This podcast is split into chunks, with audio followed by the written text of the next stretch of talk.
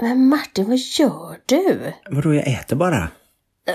Bara? Ska du äta en påse chips, två hamburgare, tre mackor, fem glas mjölk? Alltså, vad gör du? Nej, men jag måste ju gå upp i vikt ordentligt inför invägningen.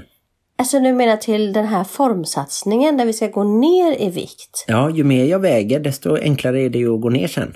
Men Martin, det här är en hälsoutmaning. Man ska liksom må bra och bli hälsosammare.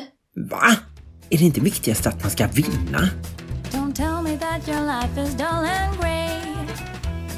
My only answer is hey, hey, hey, hey. Let's go crazy in the wild, and if by chance we make a child, that just means that we're alive and healthy. Hej och välkomna till avsnitt 168 av Bonuspappan och Plusmamman, en podd om livet i en bonusfamilj med tyngdpunkt på föräldraskap och relationer. Alltså det är ju vansinnigt många avsnitt Martin.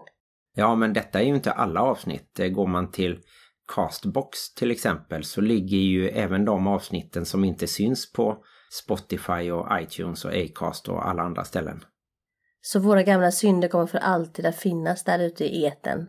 Ja, där är det väl 185 avsnitt. Sen har vi slagit ihop några också så att sorgbearbetning nu är ett enda långt avsnitt istället för 14 halvtimmar. Det är så många människor vi har träffat och fått ta del av deras historier. Det är helt otroligt. Ja, det finns bonusfamiljer överallt i landet. Vi har ju varit ganska långt upp och pratat med eh, några som bor uppe i Umeå och Hudiksvall och runt omkring där. Och ända ner till Skåneland och ut på östsidan och ut på västsidan. Ja, Och vi har ju till och med spelat in utomlands när vi har varit utomlands och vi har intervjuat människor som har suttit utomlands i Danmark och England. Frankrike. Och vi planerar även att ha med en bonusfamilj från USA här framöver. Just det, det blir spännande. Cheryl och Steve Sutton i Seattle. Jag tycker vi ska åka dit. När får man åka till USA egentligen? Ja, så fort som möjligt eh, tycker jag att vi ska dit. Jag var ju där för tio år sedan är det nu, när Cheryl fyllde 40. Undrar vilka människor vi hade varit och hur vår bonusfamilj hade sett ut ifall vi inte hade fått träffa alla dessa både experter och eh, amatörer, precis som vi, och eh, fått ta del av deras kunskaper runt ombildade familjer. Jag tycker ju att det har hjälpt oss mycket. Både att få höra andras åsikter och liksom hur de har löst vardagen. Och sen att vi har fått diskutera också vilka roller vi ska ha. kan ju låta så här ibland hemma när vi har argumentationer. Ja, men eh, Kai Pollak säger ju faktiskt så. och Anders Magnusson säger det. Och... Så Martin han har tagit med sig alla era klokheter och har med dem in i vår relation. Ja, men det är sant faktiskt. Har vi alltid sänt i samarbete med Hallands Nyheter ända sedan början? Nej, i början så sände vi ju i samarbete med familjeträdet i Ystad som ju finns kvar och eh, bland annat ger ut tidningen Bonusmamman. Och också har översatt och utvecklat en kurs just för bonusfamiljer. Så är ni intresserade av att utveckla er ombildade familj och komma på djupet med er relation så tycker jag att ni ska ta kontakt med familjeträdet i Ystad. Just det, men de senaste tre åren ungefär så har vi ju sänt i samarbete med Hallands Nyheter som är dagstidningen i Varberg och Falkenberg med omnejd. Och den läser man gärna på frukostbordet i pappersform men också på webben www.hn.se. Och det är ju tidningen som du har vuxit upp med faktiskt i Skogstorp utanför Falkenberg. Mm. Jag hade den i min säng bäddad. Jag låg på Hallands Nyheters papper och värmde mig framför den brasan. Nej, Men du har skrivit mycket insändare och även en del kåserier för 15 år sedan är det väl nu? precis. Jag har haft ett långt och intensivt förhållande med Hallands Nyheter och nu har jag ett långt och intensivt förhållande och äktenskap med en av Hallands Nyheters bästa reportrar. Tack så mycket. Jag har ju varit där i 23 år sammanlagt. Så att eh, jag är en av dem som har jobbat längst i Varberg av de som är kvar. Du är en av dem som det växer mest mossa på, Förhoppningsvis inte. ut genom öronen. Vi kanske ska gå över till veckan som har hänt. Och vi har ju bland annat passat på och solat och badat ganska mycket. Särskilt med Helle som gillar det. För det har varit väldigt fint väder i Varberg och på hela västkusten den här veckan. Jag tänker att hon är typ 90% sjöjungfru för att ifall hon är för länge ur havet så mår hon inte bra. Nej, Hon skulle helst vilja bo i vatten tror jag. ja just det. Hon har ju en ny baddräkt som ser ut som en sjöjungfru. Men den har vi faktiskt inte testat denna veckan. Det kanske är dags att plocka fram så att hon får eh, leka lite med den igen. Annars så har ju vi rört oss väldigt mycket. Vi har tränat och vi har cyklat och promenerat. Och jag har även haft en sån här veckoutmaning tillsammans med formsatsningen. Där jag skulle göra såna här obehagliga rörelser som ligga i plankan, jägarvila, sit-ups. Och det som jag då inte gjorde det var de här 50 burpees. Det var min gräns. Ja, just det. Men du klarade den utmaningen och det ingår i formsatsningen där du har börjat tävla nu i fyra veckor och jag ska starta när detta sänds då i måndags blir det. Alltså, motion ska inte vara plågsamt. När det gör ont och kroppen skriker nej, då gör jag inte det. Nej. Jag eh, gör det ändå ibland om det gör ont i slutet av en innebandymatch till exempel. Och jag kanske ska säga det att formsatsningen är ju en app egentligen, men man kan hitta den på nätet också. Och då går man med i ett lag och eh, så betalar man faktiskt en insats. Och så ska man gå ner 4% av sin egen vikt. Och så kan man vinna pengar och vara med i olika utmaningar inom den här utmaningen då. Det är väldigt peppande och kul för jag känner det att när man är ett lag man vill ju inte svika laget. Alltså det är lättare att svika sig själv bara, nej men jag orkar inte, jag lägger ner. Men då tänker man bara shit, om inte jag klarar det här så kommer mitt lag att förlora. Så att kolla in på det ifall ni känner att ni har svårt att komma i form rent formligt, alltså blivit smalare eller tjockare eller vad ni nu vill bli. Eller just konditionsmässigt, för det är mycket träning. Ja, men samtidigt så kör man ju sitt eget race och det som jag tycker är bra är att 4% är ett ganska rimligt mål på fyra veckor. Väger du 80 kilo till exempel så ska du gå ner 3,2 kilo och väger du 70 kilo så är det 2,8 kilo. Och då blir det ju inte ens ett kilo i veckan och det borde man klara om man lägger om kosten lite och eh, ökar träningen. Gå in på Instagram om inte annat och titta på formsatsningen så kan ni läsa mer om det där. Ja, vi har ju cyklat en hel del med eh, den här dubbelcykeln. Så vi har varit ute med Lars, våran kompis som eh, inte kan cykla själv just nu. Och cyklat längs strandpromenaden. Och sen så har vi ju även varit på en egen runda på 14 kilometer blev det väl? Mm. Då när vi cyklade med Lars så hade jag ju med dig på släptåg för att jag tänkte att jag kommer aldrig att klara den där uppförsbacken. Men du stannade ju någonstans och började prata med någon och kom aldrig så att jag klarade uppförsbacken alldeles själv. Just det, och sen så tog jag över på hemvägen, där var det en annan uppförsbacke. Men det gick ju bra för oss tycker jag. Mm, Lars är ju lite som del av våran extended bonusfamilj. Han har ju inga egna anhöriga och vi har liksom adopterat in honom hos oss lite och ibland firar vi jul eller midsommar och så tillsammans. Jag tycker det är härligt när man öppnar gränserna i familjen lite. Ja, han är som en extra morbror kanske. Han är väl 15 år äldre än dig tror jag. Mm. Och bara två år yngre än dig. Nej, nu ljög jag. Nu går vi vidare. Vi har även varit lite händiga, fast nu ljuger vi för det var inte vi som var händiga utan det var våra vänner Lisa och George som kom hit och dels satte upp taket, det gjorde de väl redan förra veckan tror jag, och sen så har de även gnuggat och gnott på våran innergård så nu kan vi sitta där och äta istället för att ha det som en allmän avstjälpningsplats för cyklar, skräp och annat bröte. Ja, det blev väldigt bra och sen så hade vi ju min pappa här, 78 år men fortfarande pigg och stark. Och tillsammans så gjorde vi i ordning eh, våran lilla trädgård. För gräset hade blivit eh, otroligt högt och även eh, häcken behövde ansas lite. Din eller? Våran gemensamma i trädgården. Det låter lite brutalt att vi lät din stackars pappa 70 plus jobba i den här värmen. Men han anmälde sig faktiskt frivilligt. Ja, och han hade bra utrustning också som han kunde köra hit från eh, Kullavik. Jag tycker inte du ska prata om din pappas utrustning i podden. Du misstolkade allting med vilje. Jag har okej. ägglossning, jag kan inte hjälpa Jaha. Hur var det på din eh, sån här kick-off med jobbet i eh, Staffsinge var ni? Trevligt, vi kom fram till massa bra saker för Anhörigas riksförbund. Och eh, vi hade ju mycket brainstorming och så hur vi vill nå ut. Dels för att vi vill nå de som vi månar om, nämligen anhöriga, de som vårdar närstående. Det kan ju vara att man tar hand om en livskamrat, en granne, ett barn. Det är ju så att om man tänker efter så är nästan alla är anhörig till någon.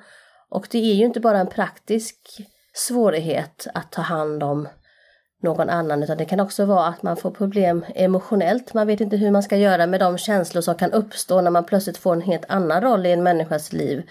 Man kanske behöver göra rent vårdande insatser som att hur känns det att byta blöjor på den man som man en gång valde att dela sitt liv med och eh, hur känns det att hela tiden behöva kämpa för sitt barn med diagnoser eller kanske uppleva att man är den enda som finns där för sin granne. Det är saker som man kan behöva prata med någon om och då har vi också en hjälplinje som heter Anhöriglinjen dit man är välkommen att vända sig om man är anhörig och behöver hjälp på något sätt. Och det finns väl mer information på er hemsida? Japp, anhörigasriksförbund.se. Utan prickar. Och då är vi ju inne lite på ditt jobb och vi har redan nämnt att jag jobbar på Hallands Nyheter. Och då tror jag att det är dags att ha veckans diskussion just om hur arbetet påverkar bonusfamiljen. Nej, jag tror inte vi har haft något avsnitt som direkt har vidrört detta ämne. Vi har ju pratat om det i många olika små sammanhang för att det påverkar ju faktiskt både en vanlig kärnfamilj men definitivt en bonusfamilj. Dels så har vi berättat många gånger den här storyn om när du skulle byta schema på ditt jobb. Och vi fick fråga i hur många led var det? Ja, det blev ju att jag skulle jobba var femte helg och även ha en kvällsvecka då.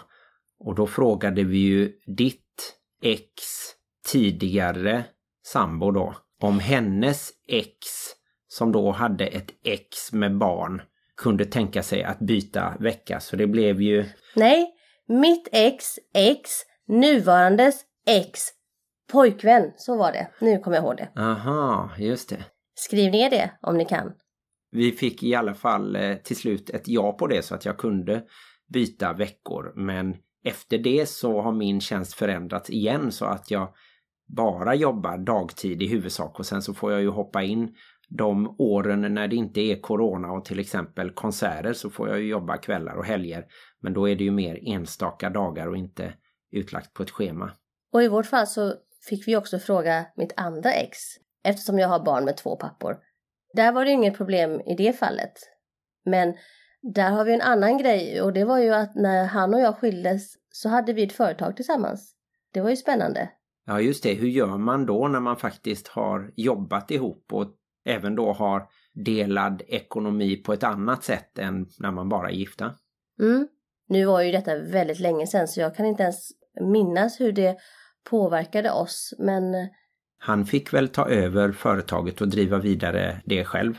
Så blev det ju, vilket också innebar att han fick jobba extremt mycket. Vilket innebär då att våra gemensamma barn var ganska mycket ensamma hemma. Och det kunde ju jag ha åsikter om, men jag är ju då utanför den familjen så jag kan inte bestämma det och tycka att sådär får du inte göra. Så att det kan jag minnas att det var lite jobbigt. Mm, det kunde vara tidiga månader, alltså börja jobba klockan fem på morgonen och sen kanske inte komma hem förrän 9-10 på kvällen. Sen kan jag ju samtidigt förstå att det var jobbigt för honom. Han hade inget socialt nätverk som kunde backa upp honom. Han var ju tvungen att jobba liksom. Och eh, nu har det förändrats och jag är glad att det har blivit bättre för alla. Men det var en tuff tid. Ja, det förstår jag absolut. Han jobbade ju typ 80 timmar i veckan. Oj, oj, det är dubbel heltid det. Är det inte dubbel, dubbel, dubbel heltid? Nej, så illa var det inte. Men det var ju dubbelt så mycket som en vanlig människa jobbar när de jobbar heltid. Och sen tycker jag också att det har varit skönt att du och jag nästan alltid har kunnat jobba vanlig dagtid så att vi har kunnat komma hem och ta hand om barnen och äta gemensamt och sådär. Mm. Jag tänker som du som då är bonusförälder bara, du har ju inga biologiska barn. Så att i princip så skulle dina arbetsgivare anse dig som barnlös eller utan barn? Nej, det tror jag inte. Jag tycker nog att de vet att jag kan tacka nej till exempel om de ber mig jobba kväll. Då ska man enligt reglerna fråga 14 dagar innan. Jag kan inte säga nej till en schemaändring om de frågar i så god tid. Men frågar de en vecka innan och vi har något inbokat med familjen till exempel. Då kan jag säga nej och då kommer jag säga nej och det vet de. Men känner du att det alltid har varit så? Ja, just med det tycker jag nog att det har varit okej. Okay. Men däremot så ses man ju inte riktigt som förälder, tycker jag, på jobbet i alla situationer. Till exempel så är det ju så att när någon blir biologisk förälder så får de alltid en present och det har varit någon som har adopterat en fyraåring till exempel och då blivit förälder och fått en present. Men när jag blev bonuspappa till fyra barn och där den yngsta var fem år, då fick jag inte någon reaktion mer än att kanske någon säger liksom helt privat att ja men vad roligt och... Eller är du helt galen? Ja det också. men eh, så att lite skillnad kan det väl vara där att bonusföräldrar inte riktigt har samma status men däremot om man går över till sådana saker som att vabba så har ju det funkat lika bra att jag vabbar som att du vabbar när då Helle har varit sjuk. Det tycker jag är jättebra, att det har ju inte varit några problem som sagt. Och sedan något år tillbaka så hade du ju också kunnat haft den möjligheten att vara föräldraledig faktiskt. Ja just det, det är ju fram till att barnen är 12 år. Men då måste de väl vara födda efter 2012 eller någonting sånt där och Helle är ju född 2010 så just den gränsen, där stämmer det inte. Nej, men ni andra bonusföräldrar där ute som har lite yngre bonusbarn har möjlighet att vara föräldralediga. Så det är ju härligt. Det är ju ett erkännande för att man faktiskt är förälder och också behöver den här tiden för att bygga relation med sitt barn och vara närvarande i de unga, tidiga, viktiga åren. Ja, absolut. Sen tänker jag lite på det här med till exempel möjlighet att vara med på föräldramöten och att följa med till tandläkaren och så. Det kan ju också bero på vad man har för jobb. Om man inte till exempel jobbar i samma stad där man bor. Då kanske man inte kan ta ledigt eller liksom kompa ut en halvtimme för att vara med på tandläkaren. Och jobbar man kväll så kanske man inte kan vara med på några utvecklingssamtal. Och det tycker jag att det har varit givande för mig att jag som då bonusförälder får vara med eftersom jag är engagerad i barnens skolgång lika mycket som du är. En sak som jag tänker på som kanske kan vara typ ett tips och typ en eh, liten berättelse om hur vi har det i våran bonusfamilj så är det ju att det är lika självklart för dig att du kollar med mig om det är möjligt att du skulle åka iväg på en kick-off eller en eh, arbetsresa som det är för mig då som jag är ju biologisk mamma i våran bonusfamiljskonstellation.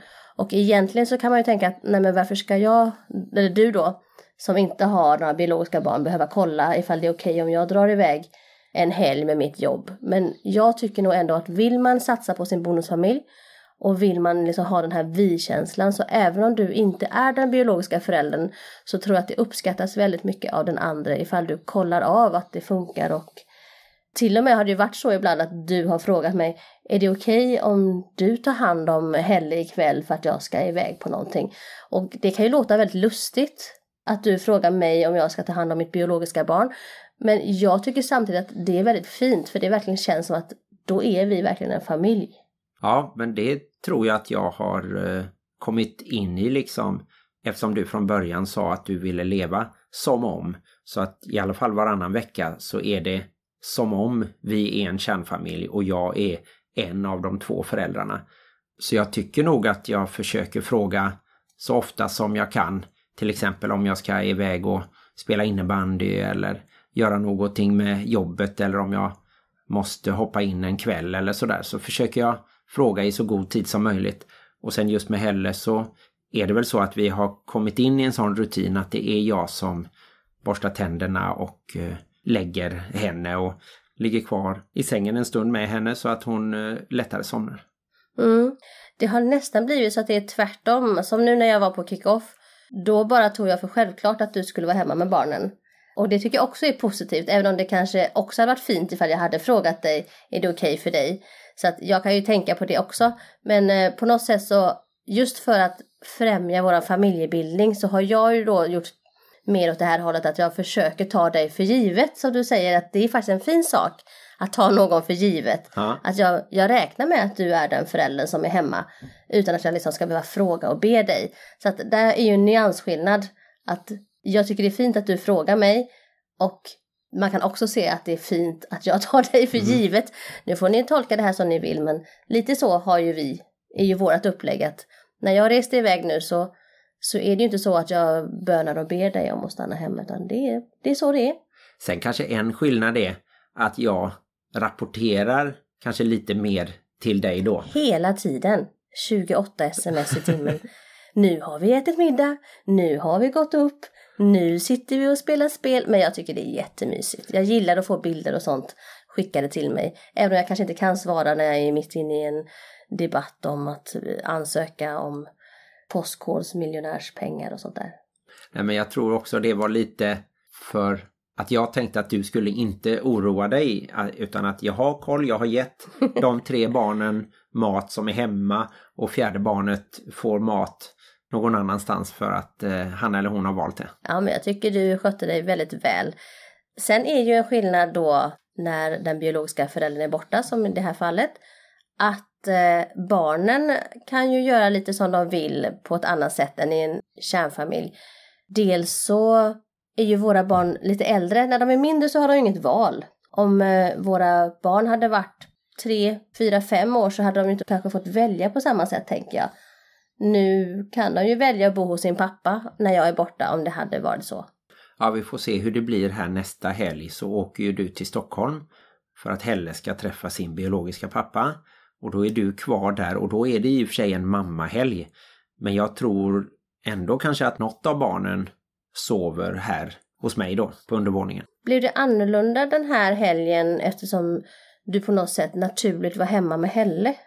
Än det var den helgen jag var i Stockholm och du var ensam hemma och då hade jag Helle med mig. Blev det på ett annat sätt tycker du? Ja, det blev det kanske lite, ja.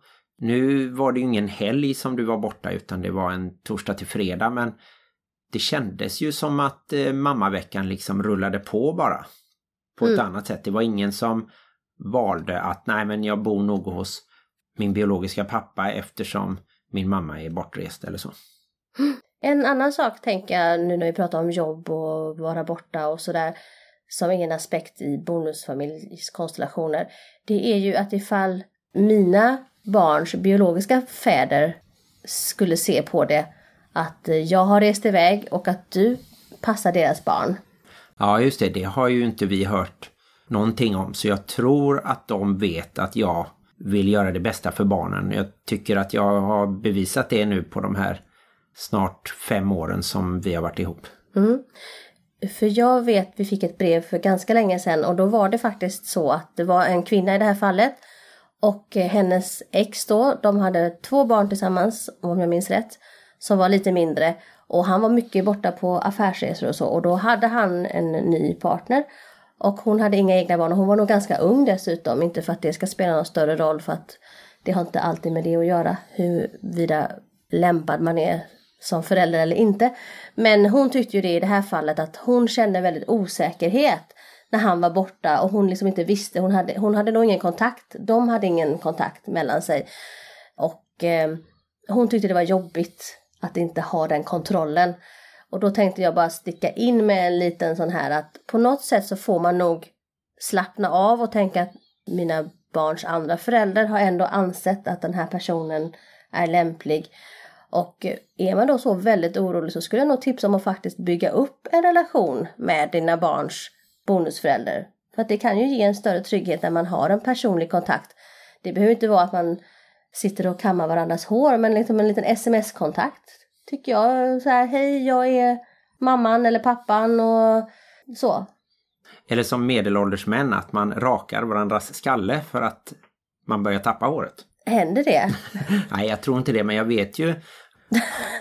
Du, jag fick bara helt plötsligt en bild när jag, där du och mitt ex sitter och rakar varandras skalle. Jag, ursäkta, fortsätt. Nej, det kommer inte att hända, men Jag vet att det finns familjer där det kan till och med vara så att bonuspappan och den biologiska pappan har känt varandra tidigare i något sammanhang. Eller i alla fall utveckla någon slags eh, vänskap och acceptans.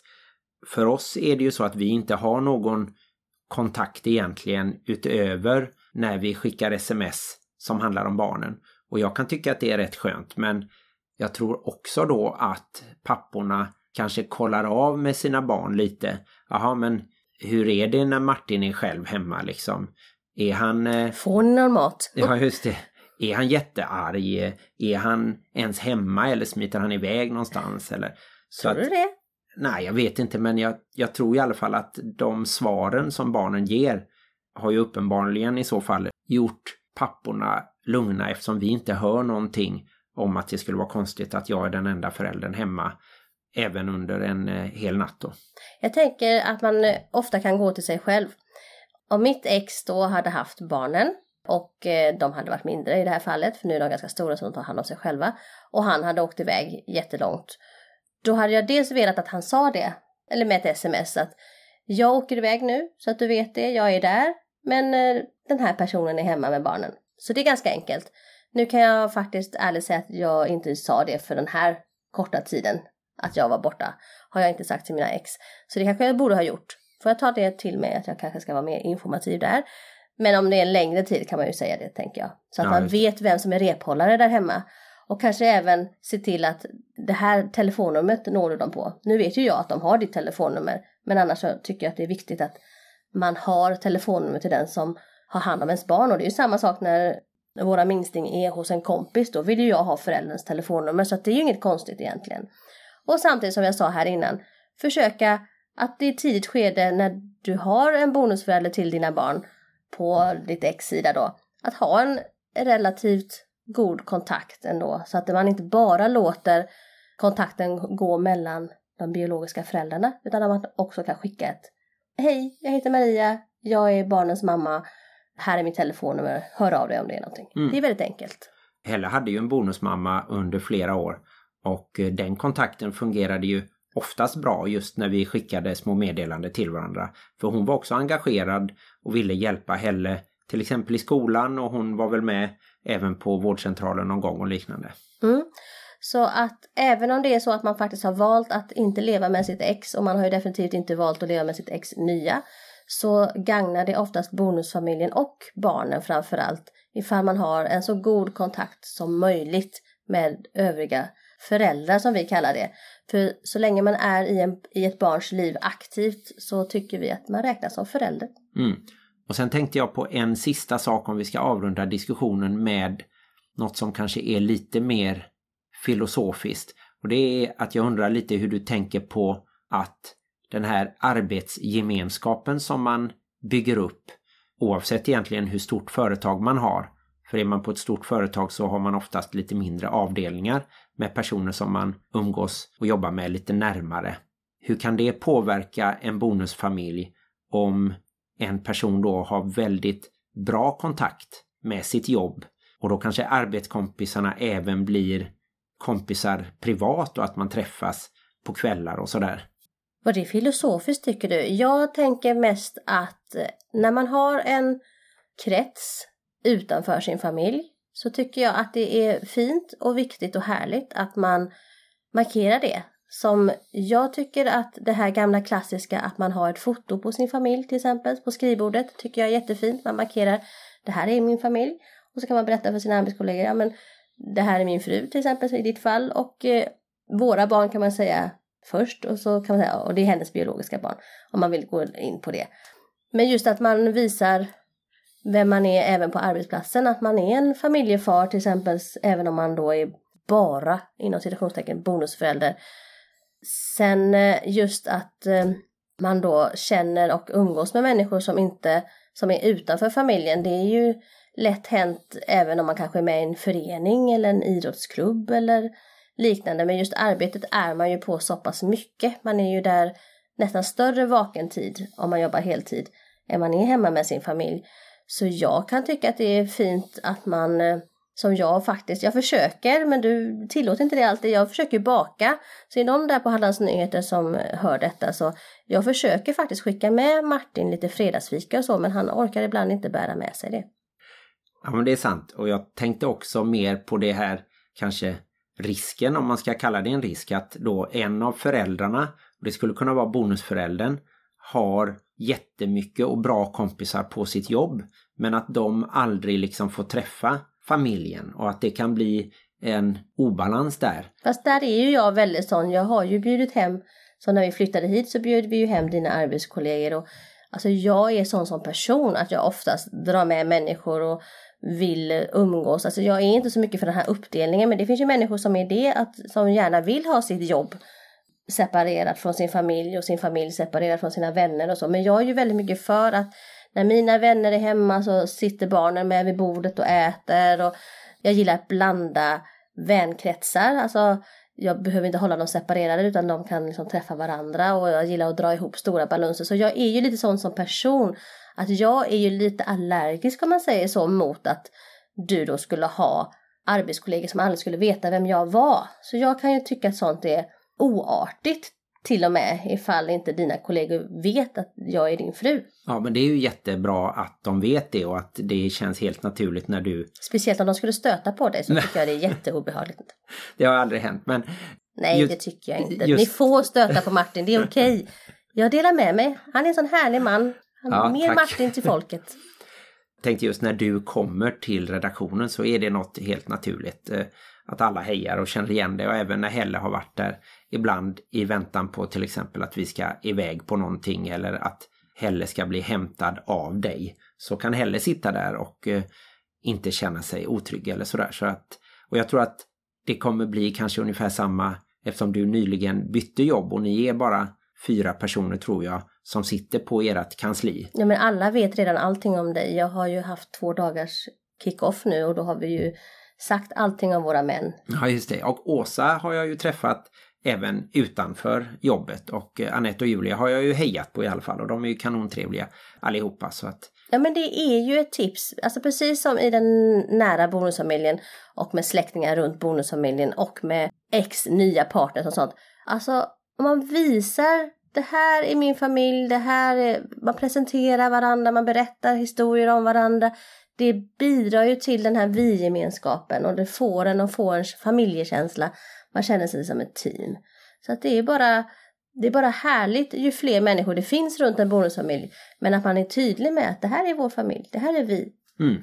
Och som sagt, jag tror att har man ett litet företag och man kanske bor nära varandra och har liknande intressen eller barn i samma ålder, då kan det mycket väl bli så att de cirklarna flyter ihop så att jobbarkompisar är även privata kompisar. Det har jag inga problem med. Mm. Jag vill ha en slutledande plädering, höll jag på att säga. Om det finns arbetsgivare där ute så tycker jag att det är viktigt att ni kollar upp hur era anställdas familjesituationer ser ut och att är det så att de ingår i en bonusfamilj så räkna med att de är också föräldrar som behöver ta hänsyn och ansvar för sina barn i den familjen oavsett ifall de är biologisk förälder eller inte. Och jag tycker ju alltid att det är viktigt för en arbetsgivare att se till att deras anställda kan ha ett familjeliv och ett arbetsliv. Och det gäller ju också om vi pratar om det här med att vara anhörig som vi sa innan att det kan ju vara så att du behöver ta hand om en äldre förälder eller en eh, partner hemma och att det också ska gå att kombinera med ett aktivt arbetsliv. Så att det var det jag ville säga. Och jag kan bara hålla med om det och jag kan ju tycka att en bra idé faktiskt skulle vara att man någon dag har en familjedag på jobbet. I mitt fall så skulle det kunna vara att eh, någon helgdag när de flesta är lediga, att man samlas, de som kan och vill, och får se så att även barn och alla de andra föräldrarna får se faktiskt hur man har det på jobbet och då även får träffa de arbetskamrater som man kanske inte har lyckats träffa vid sidan om privat på något sätt. Och så kan de barnen som vill vara med också och så kan man liksom ha en liten rundvandring. Det tror jag inte har hänt på mitt arbete vad jag vet. Eller så kan man dra ihop ett gäng och ha kubb, fika, frågesport där även familjemedlemmar är välkomna. Ja, just det. Och det har vi ju haft någon gång, tror jag, vi har spelat brännboll ihop till exempel. 1800 kallt. Ja, det var innan några år sedan. tid. Det är dags igen, Hallands Nyheter. Det kanske blir jag som får ta initiativ till det då. Ja, men det tycker jag att du ska göra Martin. Gör det. Dra ihop en Hallands Nyheters familjedag. Och sen tänker jag, du nämnde här innan att eh, som bonusförälder så får man inte någon fysisk cred för att man har blivit förälder. Hur tycker du att det skulle ha gått till? När kände du att nu är jag förälder? Jag tänker att det var ju inte den dagen vi träffades. Nej, det, Det är lite lättare när ett barn ploppar ut så vet man, ja men det var den datumen och så är du pappa liksom. Ja, och det är säkert därför som eh, det blir mycket svårare. För jag menar, mina barn då var ju tonåringar några av dem, när de liksom blev mina bonusbarn. Så att jag vet inte om man ska ta från dagen när man flyttar ihop eller när man tar dagen när man gifter sig, att man även då visar att ja men du är ju även förälder, du är inte Ja bara men precis, man. det hade ju varit en väldigt fin gest. Antingen då när dina kollegor var inbjudna till våran inflyttningsfest eller när vi gifte oss. Det var ett bra tips Martin. Mm. Men jag tror som sagt att det finns liksom inga rutiner för det. Och jag kan förstå att det är svårt. Det är svårt nog när man ska göra insamlingar till de som fyller jämnt eller då få barn. Ett tag så kändes det som att det var varje månad som någon, eftersom de... ja, men då har du ju också åldern. varit med och samlat till alla dem. Då är det ju Ja. faktiskt helt rätt att du också ska få du har ju dessutom fyra bonusbarn plus min bonus sen tidigare så att du borde ju få en rejält stor present. Minst en bil. Ja, det är inte det jag är ute efter egentligen förstås, utan det är mer eh, diskussionen att man som bonusförälder är lite annorlunda. Det är något annat och man får kanske den respekt man förtjänar och jag är jättenöjd med det bemötandet som jag får av eh, alla mina närmaste och vänner och arbetskompisar. Jag tycker faktiskt att de ser mig som förälder och jag tror att det är för att jag också skickar ut de signalerna att familjen går först. Så är det till exempel någon after work eller liknande så säger jag alltid att ah, jag får kolla, det beror lite på vad vi har för planer i familjen. Men kanske kan jag vara med en stund som jag var med senast då och var kvar på jobbet och vi satt och pratade och åt lite pizza. Och sen när några gick ut på stan då valde jag att, att åka hem hit. Mm.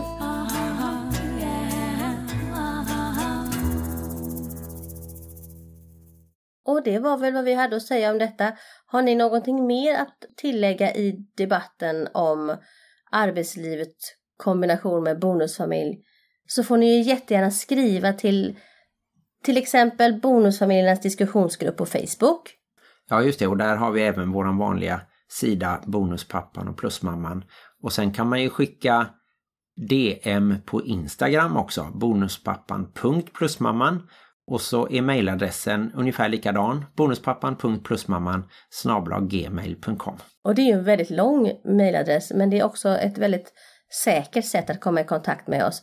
Ibland så kan ett DM slinka mellan raderna men vi försöker att hitta alla era meddelanden och vi tycker det är jättehärligt och roligt när ni skriver till oss.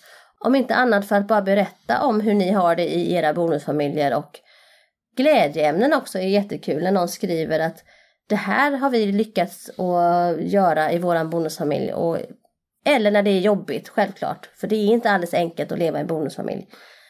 Nej, så är det. Och fortsätt skicka in eh, frågor som vi kan ta upp i podden eller olika tips. Så nämner vi gärna det när vi har ett nytt avsnitt på gång. Mm. Någonting som jag vill nämna här på slutet, som inte har med någonting annat att göra, det är att Martin har äntligen lokaliserat och pinpointat sin typ av kvinna kan man väl säga. Jaha, det, det får du berätta lite mer om tror jag. Jo, men du har ju insett att vad den gemensamma nämnaren är hos kvinnorna i ditt liv. Att du dras till tjejer som inte har körkort. Ja, just det. Ja, det kanske det var. Det är ju inte så många. Men alla de fem, det är möjligtvis att en har haft körkort. Nej, det är väldigt konstigt i alla fall att... eh, Jag tycker ju att Martin ibland inte kör fantastiskt bra. Han kan ibland köra över en liten trottoarkant och säga hoppsan och backspegeln sitter lite löst för att han har kört emot någonting där. Det var garaget, eh, för Garaget. länge sedan. Ja, precis. Så då sa jag, de tjejer, för jag har inte körkort nämligen.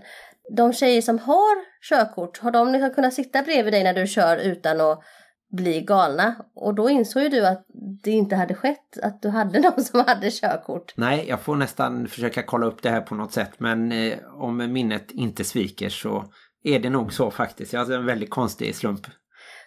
Om ni är ex till Martin och har körkort så får ni gärna höra av er så att vi vet att den teorin inte stämmer. Och om ni då inte har körkort och vill eh, lägga in en stöd på Martin så kan ni ju skicka in en bild på er själva. Sen har jag faktiskt haft körkort i 33 år är Och det inte nu hjälper det. snart. Och jag har bara krockat en gång så att jag tycker jag har ganska Jag har bra. bara krockat Ja, och det en var gång. inte så farligt. Ska man inte, typ inte krocka alls? Är inte Ja. det bäst? Men på 33 år så tycker jag att det är rätt okej i alla fall. Det lite komiska var ju att du tyckte att alla olyckorna hade startat med mig. Att allting hade hänt efter du hade träffat mig. Ja, just det. Det är också lite konstigt. Har du tappat koncentrationen liksom? eller? Antagligen. Jag tänker på dig hela tiden så att jag kan liksom inte köra samtidigt. Ja, det är fruktansvärt. Du får sluta med det. Vi får se om det går. Tack för att ni har lyssnat. Glöm inte att livet i bonusfamiljen kan vara besvärligt. Men ganska ofta helt okej och till och med härligt. Hej då! Om jag tar körkort nu då, kommer du att bli mindre attraherad till mig då? Nej, men då kan jag ju sitta och sova bredvid istället. Det, Det gör du ju ändå.